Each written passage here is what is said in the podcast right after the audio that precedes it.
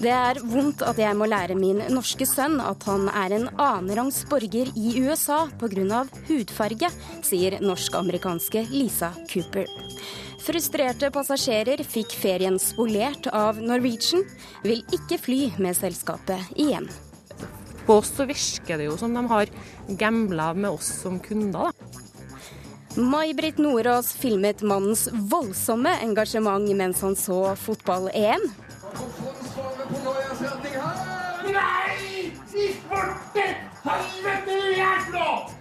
Hennes råd for å holde ut med en sportsidiot forlat huset.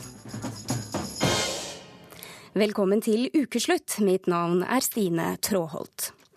Over hele USA, fra California til New York, har det det siste døgnet vært store demonstrasjoner mot politi politiets behandling av afroamerikanere. Den amerikanske politiets arroganse og mangel på vilje til selvkritikk er to ting afrikansk-amerikanske Lisa Cooper nå må lære sønnen sin før han skal studere i Chicago til høsten. I går ble fem politimenn drept i Dallas. Angrepsmannen ville hevne politiets drap på svarte amerikanere. He was upset about Black Lives. He said he was upset about the recent police shootings. The suspect said he was upset at white people. The suspect stated he wanted to kill white people, especially white officers. Lisa Cooper, hvilke råd gir du nå sønnen din når han skal flytte til USA for å studere? Det som, eh, det som jeg prøver å få inn eh, i, i Didriks mindset, er at eh, USA er en annerledes land enn Norge. Ja. I Norge så har vi alle like rettigheter, og i USA så har vi det også. Men at det er enkelte personer, og dessverre så er det altfor mange, som vil mistenkeliggjøre han bare ved et blikk på hudfarge, uten å bli bedre kjent med han. Så jeg prøver å få han til å bli mer vigilant. Jeg vet ikke helt hvordan oversette det ordet på, på norsk. Men at han tenker to ganger. Men samtidig ikke mister den fantastiske, nysgjerrige vesen som han har. Men at uh, han tenker to ganger for hvor han er, uh, og hvilken reaksjonsmønster kan uh, komme. Og det er egentlig helt forferdelig. Didrik Cooper, du er på ferie, men med oss derfra. Hva syns du egentlig om at moren din må gi deg sånne råd? Nei, Det setter ting litt i perspektiv, da.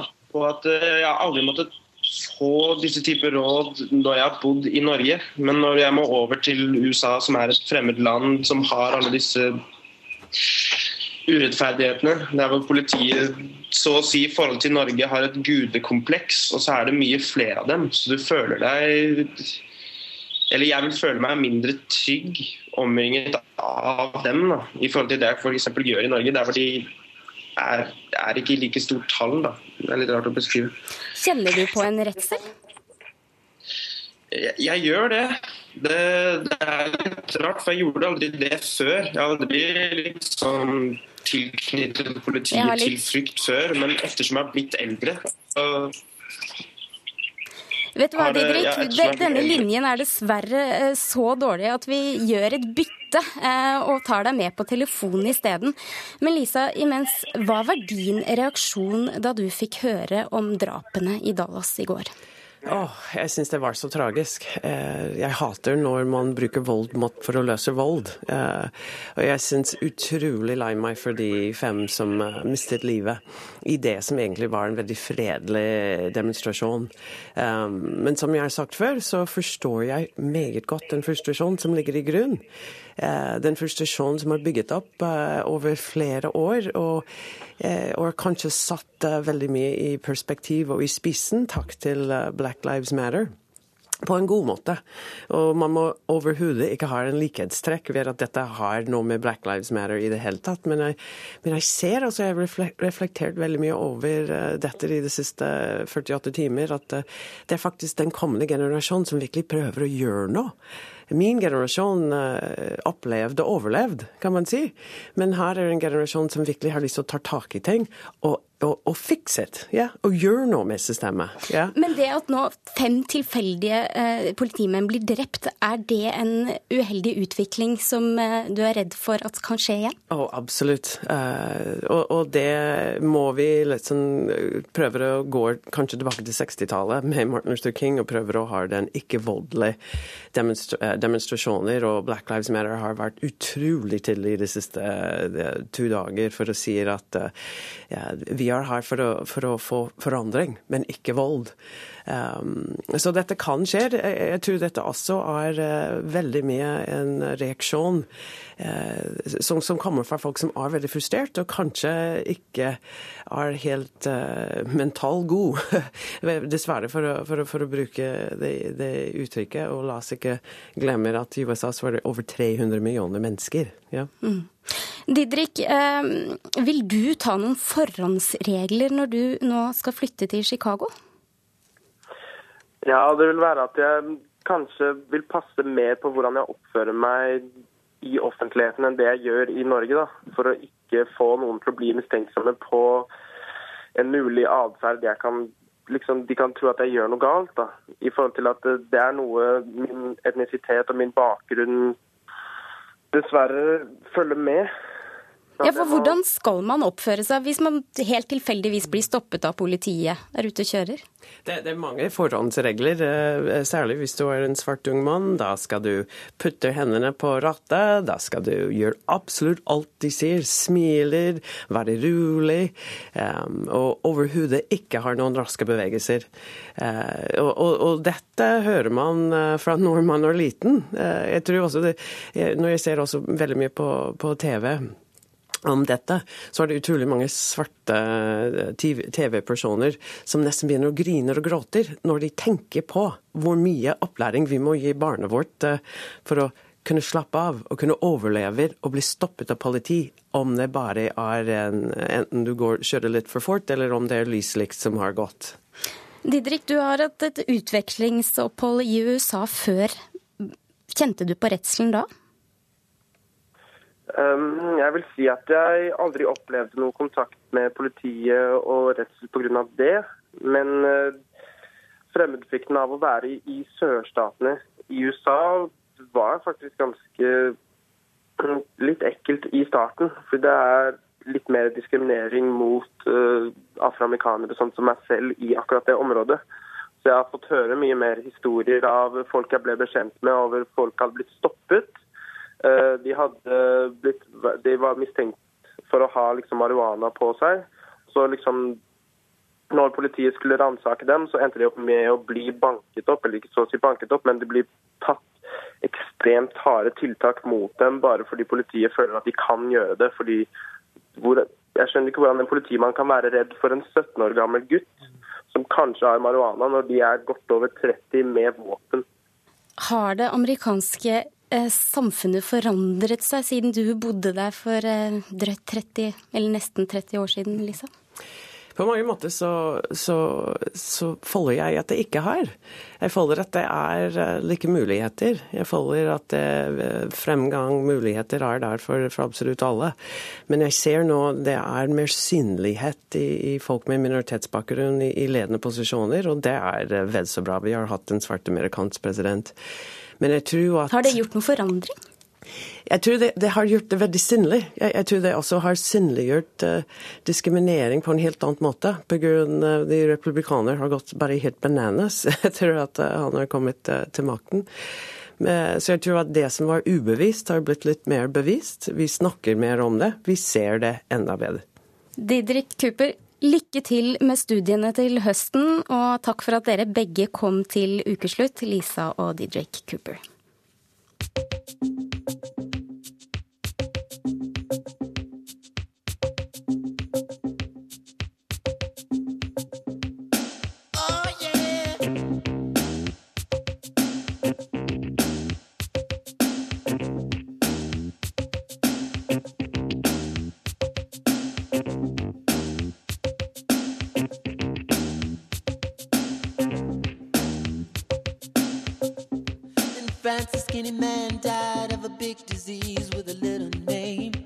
Little name. By chance, his girlfriend came across a needle and soon she did the same.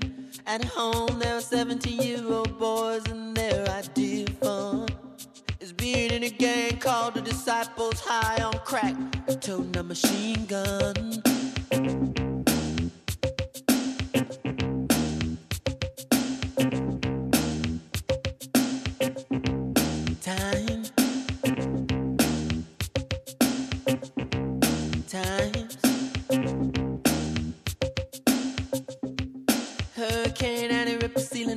Church and kill everyone inside. You turn on the telly and every other story is telling you somebody died. My sister killed her baby cause she couldn't afford to feed it. And was sending people to the moon. In September, my cousin tried reefer for the very first time. Now he's doing horse. It's June.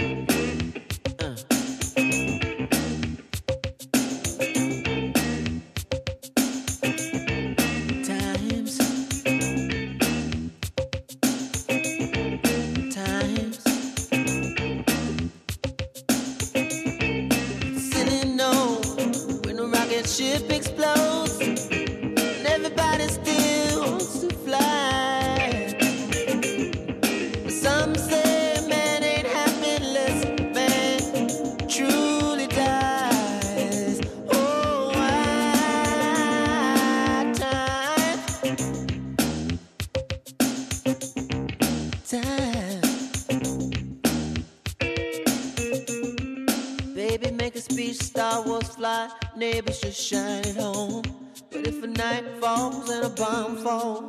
about to see the dawn.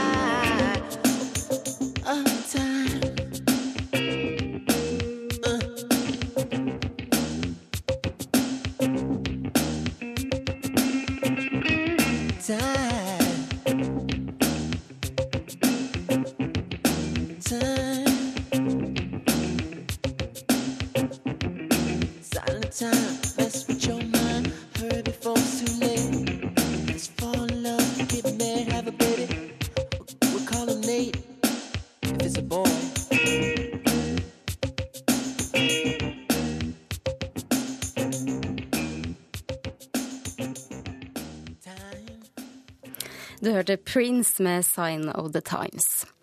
Integrerings- og innvandringsminister Sylvi Listhaug fortalte tirsdag til VG at hun skal bruke sommeren til å vurdere om hun tar en ny stortingsperiode. Bakgrunnen er hensyn til familie og barna. At det kan være vanskelig å kombinere familieliv og toppolitikk, det har Torbjørn Røe Isaksen, Heikki Holmås og Bård Vegar Solhjell alle vært inne på da de valgte bort en ny stortingsperiode. Men hvordan opplever de der hjemme å dele livet med et politisk dyr? Og hvordan er det egentlig å vokse opp med en ministermamma i konstant tidsklemme? Kristina Fiveberg, da moren din Kasi Kullmann Five trakk seg som partileder i Høyre i 1994, så var det nettopp av hensyn til familien. Og i fjor så ga du ut en bok, Kasi min mamma het den, hvor du skrev om akkurat dette. Hvordan var det å, å vokse opp med henne som gjorde politisk karriere i løpet av dine barne- og ungdomsår? Eh, Jo, mamma hun var toppolitiker fra jeg var ett til jeg var 17 år. Eh, Og det vanskeligste for meg var nok eh, da jeg var eh, helt liten og savnet henne mye. Etter hvert som jeg ble eldre, så var det litt andre utfordringer. Det med å alltid møte at, at jeg var dattera til Kasi, og alltid møte den hos andre. Men det var nok verst den første tiden hvor jeg var helt liten og savnet henne. Ja, hvilke sammenhenger savnet du henne? Eh, Jeg savnet egentlig mm, det å ha tid sammen med henne var, eh, var det viktigste for meg. At hun eh, var den som kom og sang nattasang for meg. At hun strøk meg på kinnet, satt plaster på skrubbsårene mine, hentet meg i barnehagen. Det var sånne ting som jeg savnet, for det var altfor lite tid til det. Men du hadde likevel faren din til stede. Holdt ikke at han tok disse oppgavene? Jo, altså Jeg eh, er så heldig at jeg har verdens beste pappa, og jeg hadde flotte besteforeldre som stilte opp, og masse barnevakter. Eh, likevel så var mamma en eh, ekstremt viktig person for meg. Kanskje den viktigste personen for, for et eh, lite barn. Som var det for meg, i hvert fall. Og så Jeg savnet, eh, savnet tid med henne. Men eh, dette her er jo forskjellig fra, for ulike barn, men for meg så var det sånn. Oda Lindholm Farmo, du er datter av tidligere justis- og forsvarsminister Grete Farmo. Mm -hmm. moren din var også minister i store deler av din oppvekst. Kjenner du deg igjen i Kristina Fivebergs beskrivelser her? Nei, jeg gjør ærlig talt egentlig ikke det. Jeg tenker at uh, det er veldig viktig å få fram i den uh, debatten eller diskursen her at uh, toppolitikere og andre mennesker som, som, jobber på ledernivå, de står veldig fritt til å styre arbeidsdagen sin selv. En typisk dag hos oss kunne være at jeg sto opp med mamma og pappa, så dro mamma på jobb, så leverte pappa i barnehage, hentet i barnehage. Så kom mamma kanskje hjem i halv seks-tiden. Eh, vi spiste, lekte, hun var med på legging, og så jobbet hun kanskje igjen fra syv til elleve. Så jeg satte aldri spørsmål ved at det var pappa som hentet og leverte. Satte aldri spørsmål ved at det kanskje var pappa som eh, sang mer ved sengen enn mamma. Jeg opplevde at mamma var der for meg når jeg trengte henne. Eh, og barn er veldig tilpasningsdyktige på godt og vondt, så, så det at far kanskje var min primær omsorgsperson i de eh, minste kalde barndomsårene, det var aldri noe problem for min del. Hva syns du da om signalene fra toppolitikere som nå kommer, om at det er så vanskelig å kombinere jobb og familieliv? Jeg syns det er noe ganske umusikalsk over det, fordi det er ganske mange mennesker i Norge som legger inn minst, kanskje, like mange timer som disse politikerne i jobbene sine. Eh, og som ikke står like fritt til å eventuelt velge bort disse jobbene. Eh, ha eh, stillinger som er like frie i forhold til tid som, som, hva politikere har. Og når politikere da på sett og vis stiller seg på en sånn moralsk høyere hest ved å si ja ja, dere får fortsette hva dere driver med, men jeg velger å prioritere familien, så legger man litt sånn indirekte skam på de foreldrene som fortsetter å jobbe. Og det syns jeg er ganske ufint, umusikalsk å gjøre, særlig når også all forskning egentlig på oppvekstvilkår viser at barn fra ressurssterke hjem, barn av yrkesaktive mødre, ikke har bare holdt jeg på å si, bedre utgangspunkt i forhold til materielle goder, men også bedre fysisk og psykisk helse. Så dette, eh, dette budskapet med at liksom jeg velger bort jobben for at barna mine skal ha det bra, det er ikke noe hold i forskningen i forhold til det her. Er det en skam, Kristina Fiveberg? At de nå bare først si til Oda at det, det, er jo veldig hyggelig at, at, det har gått så fint med henne. Og det viser jo at det går an å kombinere toppolitikk med å ha små barn. Men Eh, poenget mitt er at eh, barn er ulike og, og, reagerer ulikt og tåler ulike belastninger. Og kanskje var jeg et veldig sårbart eh, barn og, som, og var veldig opptatt av mammaen min. Men jeg ønsket å gi en stemme i boken min da, til de barna som, som trenger mye tid med foreldrene sine. Men hva syns du om at flere toppolitikere nå sender disse signalene? Jeg, jeg, må si at jeg skjønner dem godt. Og det som er med toppolitikk og med mange andre krevende jobber, er at de krever utrolig mye tid. Eh, som du da ikke kan bruke på andre ting. Og men så blir det jo opp til hver og en å vurdere hva som veier tyngst i den uh, vektskålen. Og det er noe som, uh, som uh, en vurdering som man får gjøre hver for seg. Og så er det foreldrene som kjenner sine egne barn best, og som vet hva de tåler, og hvordan de kan tilrettelegge på en best mulig måte for sine barn. Men er du enig i at nettopp dette har politikerne et, Der har de et fortrinn, fordi de har et helt kobbel rundt seg som kan tilrettelegge hverdagen sin? Ja, men eh, så er det noe med det at små barn gjerne vil være sammen med mammaen og pappaen sin, da. Oda, eh, hva tenker du om at eh, barna kanskje savner sin, sin mor da, i oppveksten? Jeg kan skjønne det. Eh, samtidig så, så, tror jeg ikke det skal være noe mål i seg selv at, vi, at nå gullstandarden for barndom er en barndom fjernet for kontrast, fjernet for savn, fjernet for vonde følelser. Det er en naturlig del av uh, barndom. Uh, jeg tror at dersom målet skal være å eliminere alt dette, så vil man kun skape skamfulle, stressa foreldre, og det vil selvfølgelig igjen prege barn negativt. Altså, tidsklemmen har alltid eksistert. Da Freud lagde teoriene sine om psykoanalyse, så sa jo han på en måte at alt er foreldrenes skyld, og det er veldig lenge siden. Så det vil alltid være problemer foreldre skaper for barna sine, men det er ikke så farlig. Til slutt så skal dere to få lov til å gi et råd til Listhaug og andre politikere som føler at de ikke har nok tid med barna sine. Eh, Kristina, hva vil ditt råd være?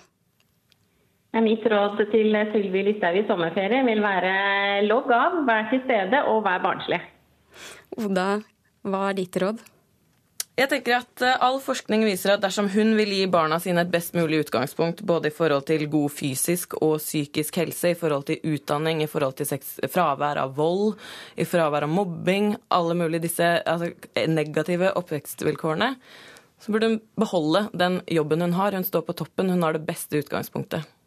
Takk for at dere var med i Ukeslutt, Kristina Fiveberg og Oda Faremo Lindholm.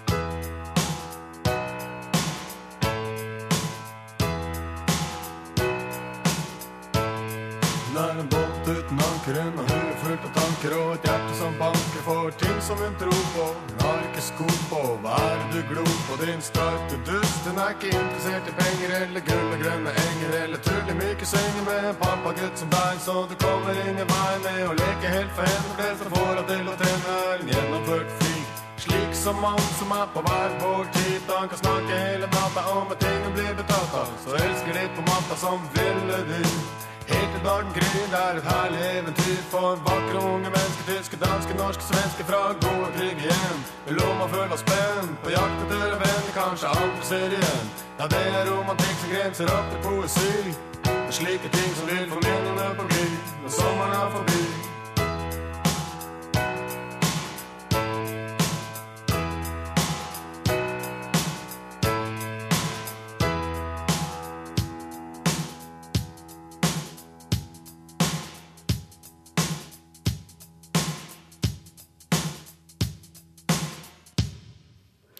Raga Rockers sang 'Hun er fri'. Koffertene er ferdig pakket, passene er klare og sommerfuglene kiler i magen. For endelig er det ferie. Men så tykker det en SMS inn. Flyet er kansellert bare timer før avreise. Og det er ingen ledige plasser på andre fly. Forrige helg opplevde mange Norwegian-kunder selve feriemarerittet. Slik som familiene Hundset og Nyhaug Dale bare legge, vi skal ikke kjøre hjem Elias. Vi skal bare legge fra oss bagasjen.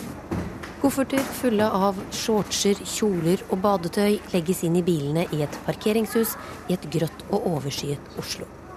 De skulle for lengst vært pakket ut i et feriehus med basseng i Kroatia. En tur de to trønderfamiliene har planlagt i nesten ett år. Um, jeg ble jo veldig lei meg når pappa kom og vekket meg. da. Um, og så begynte jeg å skrike. Og så hadde jeg gleda meg til det i et helt år nesten. Så det var veldig ikke noe artig. Hva var det du hadde gleda deg til, da?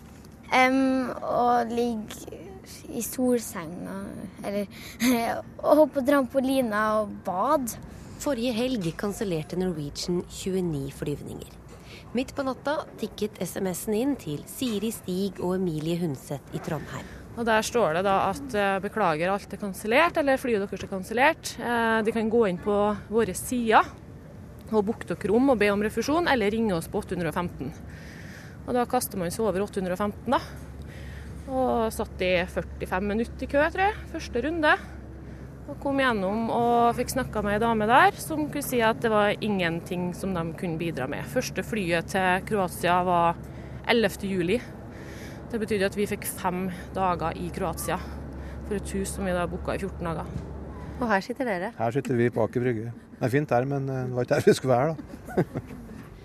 Et annet sted i Trondheim sover en vordende brud og brudgom og et helt brudefølge, uvitende om at flyet deres til Spania er kansellert. Men mamma Wenche Carlsen Lo våkner. Og da rasa verden litt sammen akkurat der og da. Hun skulle gifte seg i Sjømannskirka eh, rett utenfor Malaga. Det hadde vi planlagt for over et år siden. Vi har ledet et stort hus for hele storfamilien på begge sidene. Vi hadde bestilt billetter med Norwegian for eh, en god slump med penger, 45 000, for et halvår siden. Hva, hva gjorde dere da du fikk vite at eh, flyet var kansellert? Først ble jeg jo bare sint. Jeg ble kjempesint og frustrert og lei meg og alle ting på en gang. Men det første vi prøvde, det var jo selvfølgelig at vi prøvde å ringe til Norwegian midt på natta. Men det var helt uh, nytteløst. Stig Hunseth og Trond Nyhaug sitter igjen med en dårlig følelse. Det verste er at den følelsen så lurt. ikke sant? Det, de visste jo det på forhånd, virker det som. da. Og at han lederen, han Kjos, ikke går ut og kommenterer og sier noe, det er jo litt rart.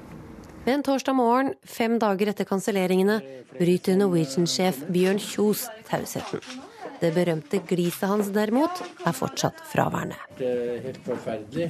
Eh, Ikke vanskelig å tenke seg at da man planlagt ferie et lang, en lang ferie mange månedsvis, eh, og mm, plutselig blir fratatt muligheten å reise på ferie, så er det lett å skjønne at eh, det treffer folk. Pål Rasmus Silseth er høyskolelektor og leder for Norsk kundebarometer ved BI. Han gjør det som han må gjøre til å begynne med, det å legge seg helt flat. Men så går det litt fort over, syns vi, til å bli sånn forklaring på problemet og bortforklaring på, på, på, på problemet. Istedenfor kanskje å fortelle hva de skal gjøre for å bukte med, med det. Eh, og hva kundene kan forvente av eh, oppfølging. Den er, den er ganske sterk eh, negativ, eh, den saken som har vært nå. Det, det, det er omtrent som den streiken som var i, i fjor. Og kommer det mange sånne på rad, så vet vi hvordan det gikk med SAS for ti år siden. De gikk rett i bakken. Så det her kan potensielt bli problematisk for dem hvis det fortsetter. Hm, det er visst på tide å rydde opp litt. Det syns Forbrukerrådet også, som har bedt om et møte med Norwegian, forteller direktør for Forbrukerservice Ingeborg Flønes. Bakgrunnen er at vi har sett i media at veldig mange forbrukere er frustrerte. Både fordi de ikke kommer gjennom på kundeservice, det kan synes som om de kan få noe feil informasjon. De er jo ifølge det EU-direktivet lovpålagt å informere om de rettighetene som vi som forbrukere har krav på. Så hva har du krav på når flyturen går i vasken og du ikke får booka om? Og dette regelverket sier at du har krav på en standardkompensasjon som er mellom 250 og 600 euro hvis det er flyselskapet sitt ansvar. Men de som f.eks. har ordnet seg da hotell, leileid leiligheter osv. til det stedet de skulle på ferie, har man krav på å få mm, penger igjen for det, fordi man ikke får benyttet seg av det? Er kanselleringen innenfor flyselskapet sitt ansvar, og de har dokumenterbare utgifter utover den standardkompensasjonen, så har de krav på å få det dekka. Men hvilket ansvar har folk sjøl da, i en sånn situasjon? Som forbruker, når du bestiller en flyreise, så betaler du for en flyreise, og da forventer du at flyet skal gå når det skal gå. Og da er det flyselskapet som har ansvaret for å gjøre det som står i deres makt for at flyene skal gå, og ikke minst at det er piloter til stede som kan kjøre flyene når de skal gå. Noen puster sikkert lettet ut nå, men vi er ikke helt ferdig med saken ennå. Grunnen til at flyene ble kansellert, var at avtalen Norwegian hadde med flyverne om kjøp av fridager, gikk ut nettopp 1. juli. Dette sa kommunikasjonsdirektør i Norwegian, Anne Sissel Skånvik, dagen etter. Ja, Jeg har ikke noe grunnlag for å spekulere i det, men eh, det er jo litt påfallende at det skjer akkurat eh, nå, nå i den verste avviklingen eh, i forhold til at det er høysesong. Og enkelte flyvere føler seg uthengt, sier fagforeningsleder Halvor Vatnar. En del har sagt de har mista nattesøvn fordi de føler seg uthengt, eh, har gjort, i media av eh, vår arbeidsgiver. På Norwegians Facebook-sider får også flyverne gjennomgå. Jeg syns at pilotene viser en skammelig oppførsel, grådighetskultur. Syns dette er kynisk spillapparat. Hva slags tullinger av noen piloter er det i dette selskapet nå? Ja, men når det gjelder publikum og hva de skriver på Facebook, så OK. Vi, sånn er vi. Vi skyter fra hofta, og muligens noen har tatt en øl når de skriver der. Men og, det må vi regne med. Men ut fra den informasjon som også har kommet da fra selskapet i, denne tida som har gjort meg til dels forbanna, som det sto i Dagbladet. Det er eh, korrekt. Eh, visse dager har jeg, eller visse utspill har jeg vært forbanna på. Og da, da er det jo ikke så uventet at publikum tar det for granted, tar det for god fisk. At disse pilotene er De bruker juks da, og bruker aksjoner og, og sånne ting. Vi har fulgt helt spillereglene. Det vi har bare sagt hei, hei, dette går ikke, vi må gjøre noe. Men ble det bryllup i Spania for Wenches datter? Alle sammen kom seg nedover. Vi var frem, Sistemann var frem eh, sent i går kveld, på mandagskveld, altså to døgn forsinka. Men tross alt, vi kom oss nedover, og vi er veldig glad for det. Men det var helt ved egenhjert, for å si det sånn. Tilbake på Aker Brygge. De to trønderfamiliene fikk seg ikke bare Oslo-tur på de to ukene de har ferie, forteller Veronica Dale. Så Vi endte opp med at vi fant en til en sånn høvelig grei pris. Det ble vel 40 000, da. Eh, en uke til Alcudia da, fra Molde på, på fredag. I noen leiligheter inne i sentrum uten aircondition, da. Det var det vi fant. Hvor mye har dette kosta dere da, totalt alt sammen? Kroatia-turen er vel sånn ca. 70 på totalt, da. 40 000, og så har vi jo lagt ut nå da 40 000 for en ny tur. Ja. Pluss For- Oslo, ja. Pluss Oslo-turen her. Ja. Ta noen tusenlapper. Det er noen tusenlapper, ja. Tre netter på hotell og får får Tusenfryd vi og tilbake med dyreste Oslo-turen jeg har vært på den gangen, i hvert fall. Så får vi se da om Norwegian betaler tilbake alle utgifter, eller om dette blir tidenes dyreste Oslo-ferie. Norwegian hadde ikke anledning til å stille i ukeslutt i dag, men sier at vi forstår at det er mange kunder som er skuffa og frustrerte på oss etter alle kanselleringene. Det er ikke godt nok, det er kundene vi lever av, og vi skal gjøre alt vi kan for å vinne tilliten deres tilbake og sørge for at vi ikke havner i en slik situasjon igjen. Reporter var Linn Beate Gabrielsen. Straks så får du møte May-Britt og Bjørnar Nordås. Hun filmet mannens følelsesutbrudd mens han så fotball-EM, og nå er klippet vist over én million ganger. TV-serien Skam beskyldes for kroppspress. Ny trailer med veltrente guttekropper skaper reaksjoner. Er kroppspresset mot gutta underkommunisert? Stillehavsøstersen har invadert kysten, men snakker vi om en skikkelig diarébombe, eller er det bare en uoppdaga norsk delikatesse? I morgen så er det finale. EM-kampen mellom Frankrike og Portugal går av stabelen i Paris. Snart er det over, og takk og pris for det. Det tenker kanskje noen, for det å være gift med en sportsidiot kan tære på. I Mosjøen har May-Britt Nordås filmet mannen Bjørnars voldsomme engasjement under straffekonkurransen mellom Tyskland og Italia. Og slik går det for seg når Bjørnar ser fotball.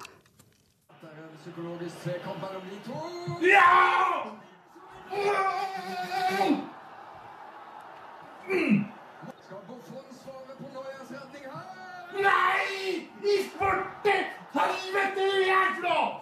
Jesus Christ! Satan i helvete. Vi da. Nå må du nå, så er du ferdig. Du forbannede anetiop. Åh! Åh! Svett, Bjørnar. Åh. Så tar du- så tar du den. Ja! Ja! Var det rett lag som vant? May-Britt og Bjørnar Nordås, eh, hvordan er det å høre dette opptaket? Det er jo litt voldsomt. Jeg blir jo litt flau, nesten. Det er jo det, det, Ja, det er litt um, Det er litt rart å høre. May-Britt, hvordan kom du på at du skulle filme mannen din? Uh, egentlig så skulle jeg sitte på sida med fjernkontrollen og så slå av når det ble spennende, men det turte jeg rett og slett ikke. For jeg så jo at det her kunne bli forferdelig galt da. Så derfor så bare lot jeg kameraet gå og satt bare helt dryp stille, og jeg pusta nesten ikke. Har du noen gang gjort det? Slått av underveis eh, i en kamp? Nei, nei, nei, det, det har jeg aldri gjort, og det tror jeg ikke jeg skal bry meg om å gjøre heller. Hvorfor ikke det? Nei, jeg tror det kan bli voldsomt. Jeg er usikker på utfallet, for å si det sånn. Hvordan står det til med din egen fotballinteresse, da? Min, på minussida. Utdype. Ja, jeg finnes ikke interessert i fotball på det der nivået. Og hvordan vil du beskrive stemningen hjemme hos dere når det er eh, kamp? Jeg bruker ikke å være hjemme. Jeg bruker, bruker å forlate huset for at det kan bli veldig intenst til tider. Er dette informasjon som du kan bekrefte, Bjørnar? Ja, det kan jeg vel eh, trygt si.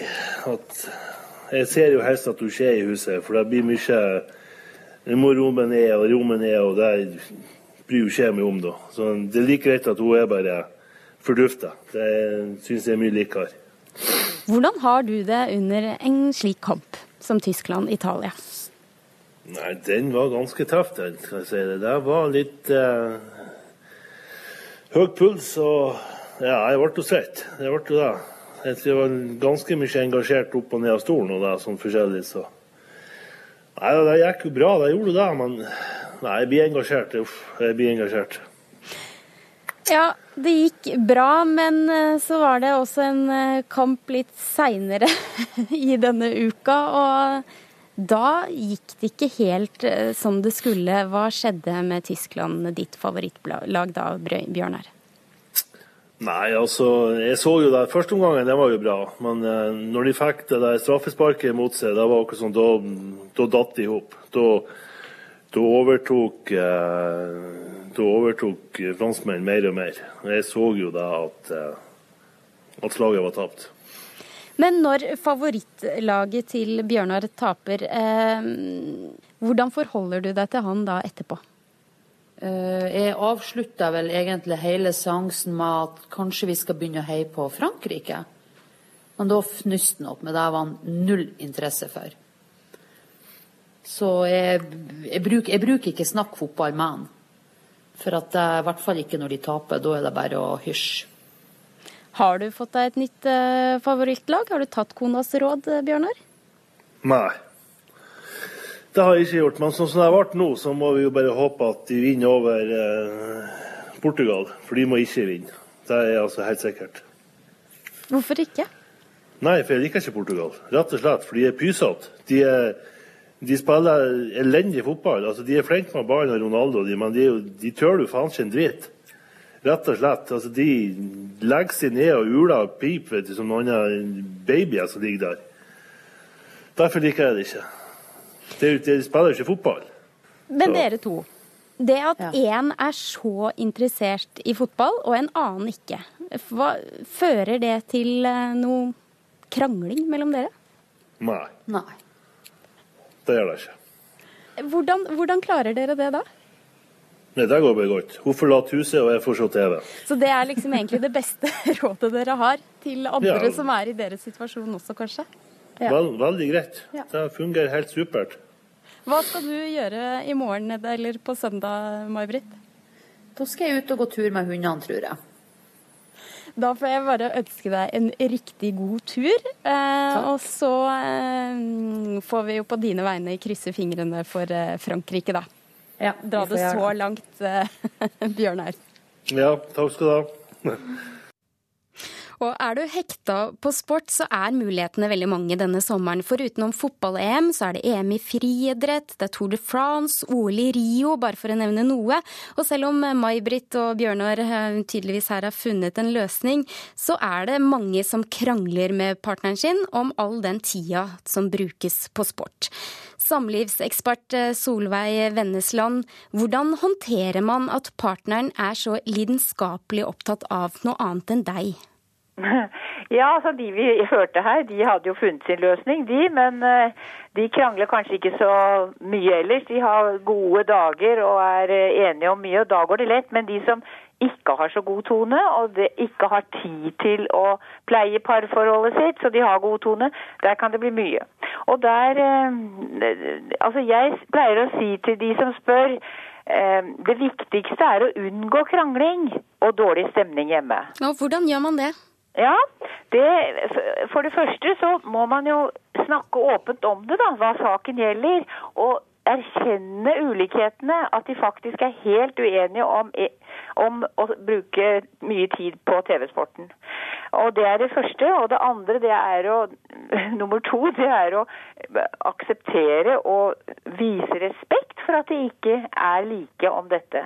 Og så finne praktiske løsninger for hvordan de kan gjøre det. Kan det også være ganske positivt at man ikke liker de samme tingene? Ja, altså Det er jo ikke noe om å gjøre at eh, samlivspartnere liker og mener akkurat det samme. Men når det går, går, er såpass lenge som det nå er i sommer, over flere uker og måneder, så er det klart det at det, det tærer på eh, fellesskapet, det. Og de må løse det på en eller annen måte. Og så er det en ting til at et TV-apparat, hvis, hvis eh, familien har ett rom å ha det i, så er det jo temmelig mye støy, da. Så å finne praktiske løsninger her, f.eks. hvis hun, det er flest menn kanskje som ser på TV-sporten, eh, hvis hun blir nærmest alene om eh, alt arbeid med barn hjemme, kjøring til friluftsaktiviteter, og det meste av husarbeid og hagearbeidet faller på henne. Eh, jaha, da bør vel kanskje han, for å få likevekt her, si at det skal jeg ta igjen mer siden. du er selv gift med en sportsidiot, hvordan takler du det?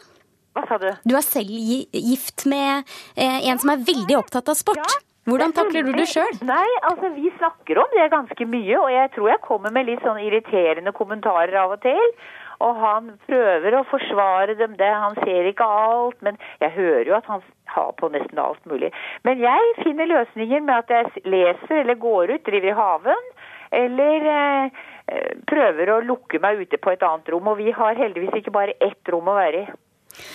Tusen takk for eh, hjelpen, samlivsterapeut Solveig Vennesland.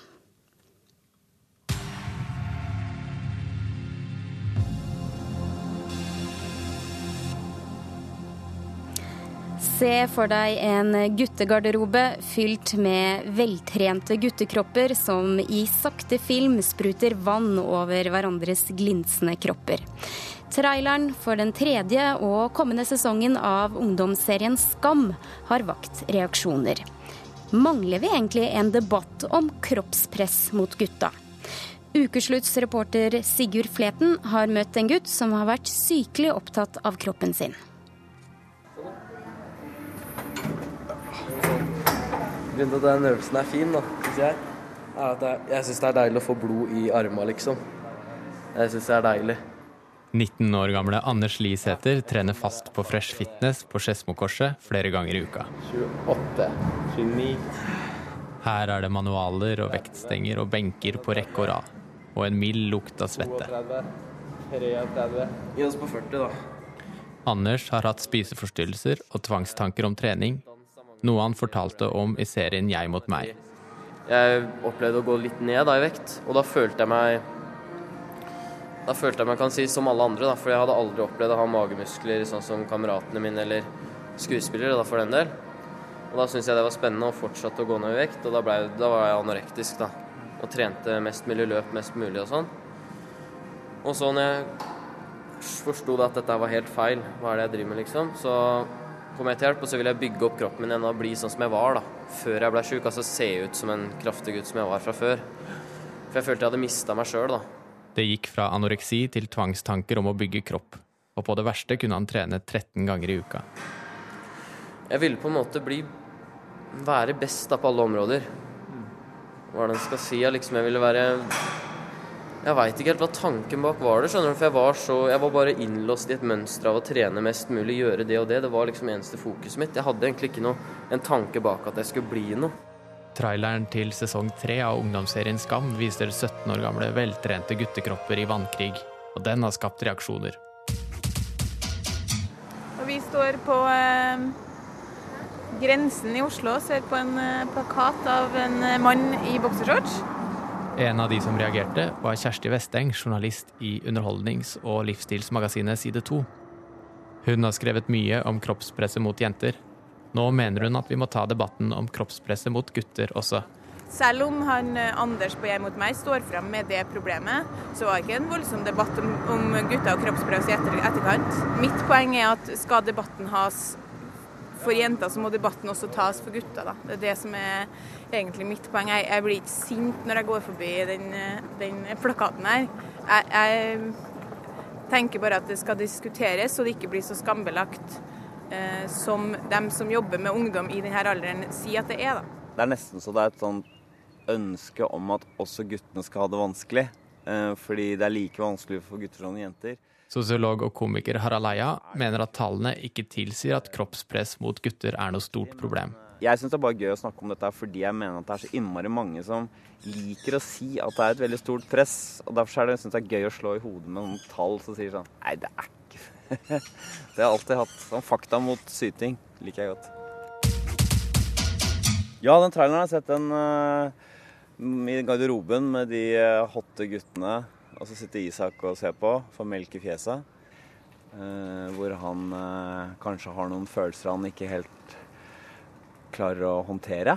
Eh, så den funker jo veldig bra som en pekepinn. Eh, og da trenger du jo hotte gutter. Eh, når det gjelder akkurat forhold til kropp, så sier 17% av jentene og 4% av guttene at de har negativt kroppsbilde. Så hvis vi tenker at det finnes 210 000 tenåringsgutter i Norge, 4% av det er 8400 gutter som har et negativt kroppsbilde. Da, da har du jo 8400 gutter som sliter med det her. Ja. Hvis dette er riktig. Det er riktig. Så for dem så vil det å se denne traileren være en påkjenning. Det vil det nok, altså. Eh, kanskje. 35 Jo, du klarer 40. Nei, jeg gjør ikke det. Anders Lisæter mener han har fått et sunnere forhold til kroppen sin nå, og trener maks fem ganger i uka. Hvor kommer liksom kroppspresset fra?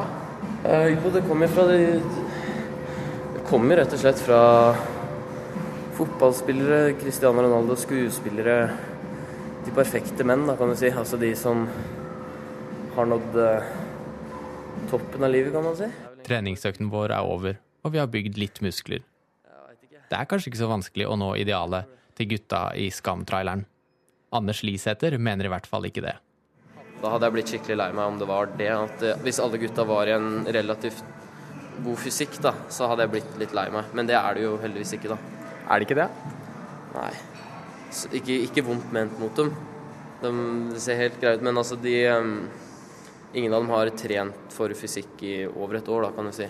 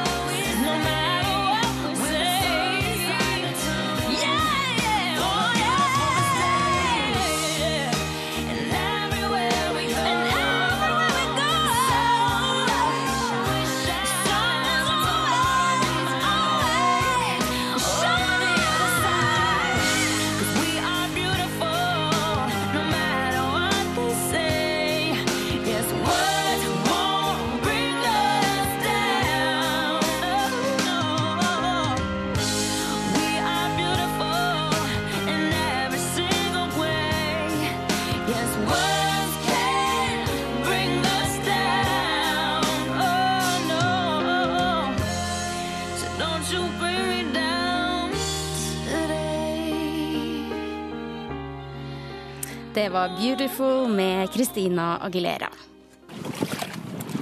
Stillehavsøstersen har for lengst okkupert kysten fra Sør-Norge til Nordmøre. Og muligheten for å suse av gårde med motorbåt på østersjakt er så absolutt til stede. Østersen betegnes av mange som havets ypperste delikatesse. Men den norske varianten er lite brukt av stjernekokkene. Og for badeturistene kan østersen være direkte farlig fordi den er sylskarp å tråkke på. Og hvilken annen skade gjør den på kysten vår, forsker Torjan Bodvin ved Havforskningsinstituttet? Jo, den eh, vokser veldig fort. Og den eh, dekker store områder. og Det betyr at f.eks. blåskjellbanker, eh, banker av den europeiske flatøstersen som hører til her, de kan gro helt til. Hvorfor risikerer vi at det kan bli rekordmange av disse østersene i år? Eh, fordi det er kaldt og ufyselig, og østersen vokser glimrende nå. Den utvikler det vi kaller for gonader, altså kjønnsprodukter, men den gyter ikke. Dersom vi får en varm august og september, så vil det være mer enn nok til at du får en fantastisk gyting. Men den er veldig avhengig av å få dette vinduet med 18, 16, 17, 18, 19, 20 graders vann i en periode på to til tre uker. Så eh, kaldt vær det kan også bringe litt lykke med seg, rett og slett. Et annet lyspunkt er jo at den er regnet som havets ypperste delikatesse. Hvordan er det egentlig å slurpe i seg denne stillehavsøstersen? Vel, eh, nå har jeg vært østersoppdretter i en del år, og da måtte jeg jo spise den eh, rå og levende. og Da brukte jeg et uttrykk som min svigermor fra Eidehavn hadde. Jeg spiste den med lange tenner. Eh, så det betyr at jeg er ikke spesielt eh, tilhenger, men jeg har gjort det. Men det var da kvalitetssikret til skjell som hadde vært gjennom mottak og gjennom langtidslager på dyp. Mesterkokk eh, Bård Greni ved Urban Food i Fredrikstad. Hva syns du, holder den norske stillehavsøstersen mål? Ja, absolutt. Jeg var ute og plukka østers senest i går, og kvaliteten var helt ypperlig. Det jeg syns som er så bra eh, med den østersen i Hvalerskjærgården, sånn smaksmessig, er jo at han er, han er litt mindre salt enn eh, den østersen vi får fra f.eks. Frankrike. Altså det er litt mindre salt i vannet her, som gjør at han er, syns jeg, da har en veldig behagelig og god smak. Men om vi har hørt om denne rekordspredningen av denne østerstypen, det har holdt på i en drøye seks år. Hvorfor har ikke norske stjernekokker kastet seg over denne kortreiste skatten da? Altså Utfordringen er jo, som benevnt tidligere her òg, at det må da settes i et system. Og, og, det må jo innom et mottak, og det skal jo kvalitetssikres. og Skal man spise øster, så må man liksom være sikker på at han er sunn. da. At ikke man blir syk og får diaré. Ja, Hvor trygt er det å spise denne østersen rett fra havet, Bodvin? Eh, for å si det sånn at i Mattilsynet i sine anbefalinger de anbefaler ikke å gjøre det. Eh, jeg personlig, jeg kan si hva jeg gjør. Jeg følger blåskjellvarselet, som er et algevarsel som er omtrent riktig også for østers. Og så varmebehandler jeg alltid. Jeg spiser ingenting rått. Og hvorfor eh, er det farlig? Hvorfor drar den med seg dette viruset, som også blåskjellene kan få?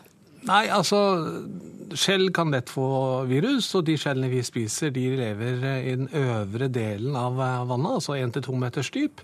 Og der slippes det ut mye rart. Både fra måker og båter og, og andre steder. Ja, Hva mener du spesifikt? Nei, Det viktigste viruset er det vi kaller for norovirus, som gir omtrent samme effekten som eh, en eh, algeforgiftning, bare at den varer eh, ytterligere en uke eller to. Så den henger i. Som, og problemet er ikke med blåskjell, fordi blåskjellene damper vi. Vi spiser ikke de rå. Samme med hjerteskjell.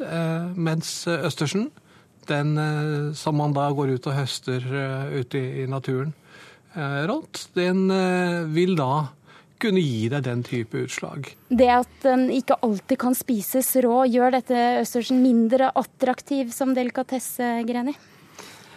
Nei, han, han, gjør jo ikke det. Eh, jeg har drevet mange restauranter med stort volum av østers, men da, da, har den jo vært kontrollert, da. Og det har jo vært tilfeller der at folk har blitt syke, men ut ifra sånn totalt sett at jeg server 10 000 østers, da, så er det kanskje det skjedd tre eller fire ganger. Men, men smaksmessig da, så, så syns jo han han er bedre rå enn når han er stekt eller kokt. da. Eller gratinert, for den saks skyld. Ja, og Hvis du skulle da mot din egen eh, smak varmebehandle den, hva gjør du da? Da Gratinerer syns jeg er veldig godt.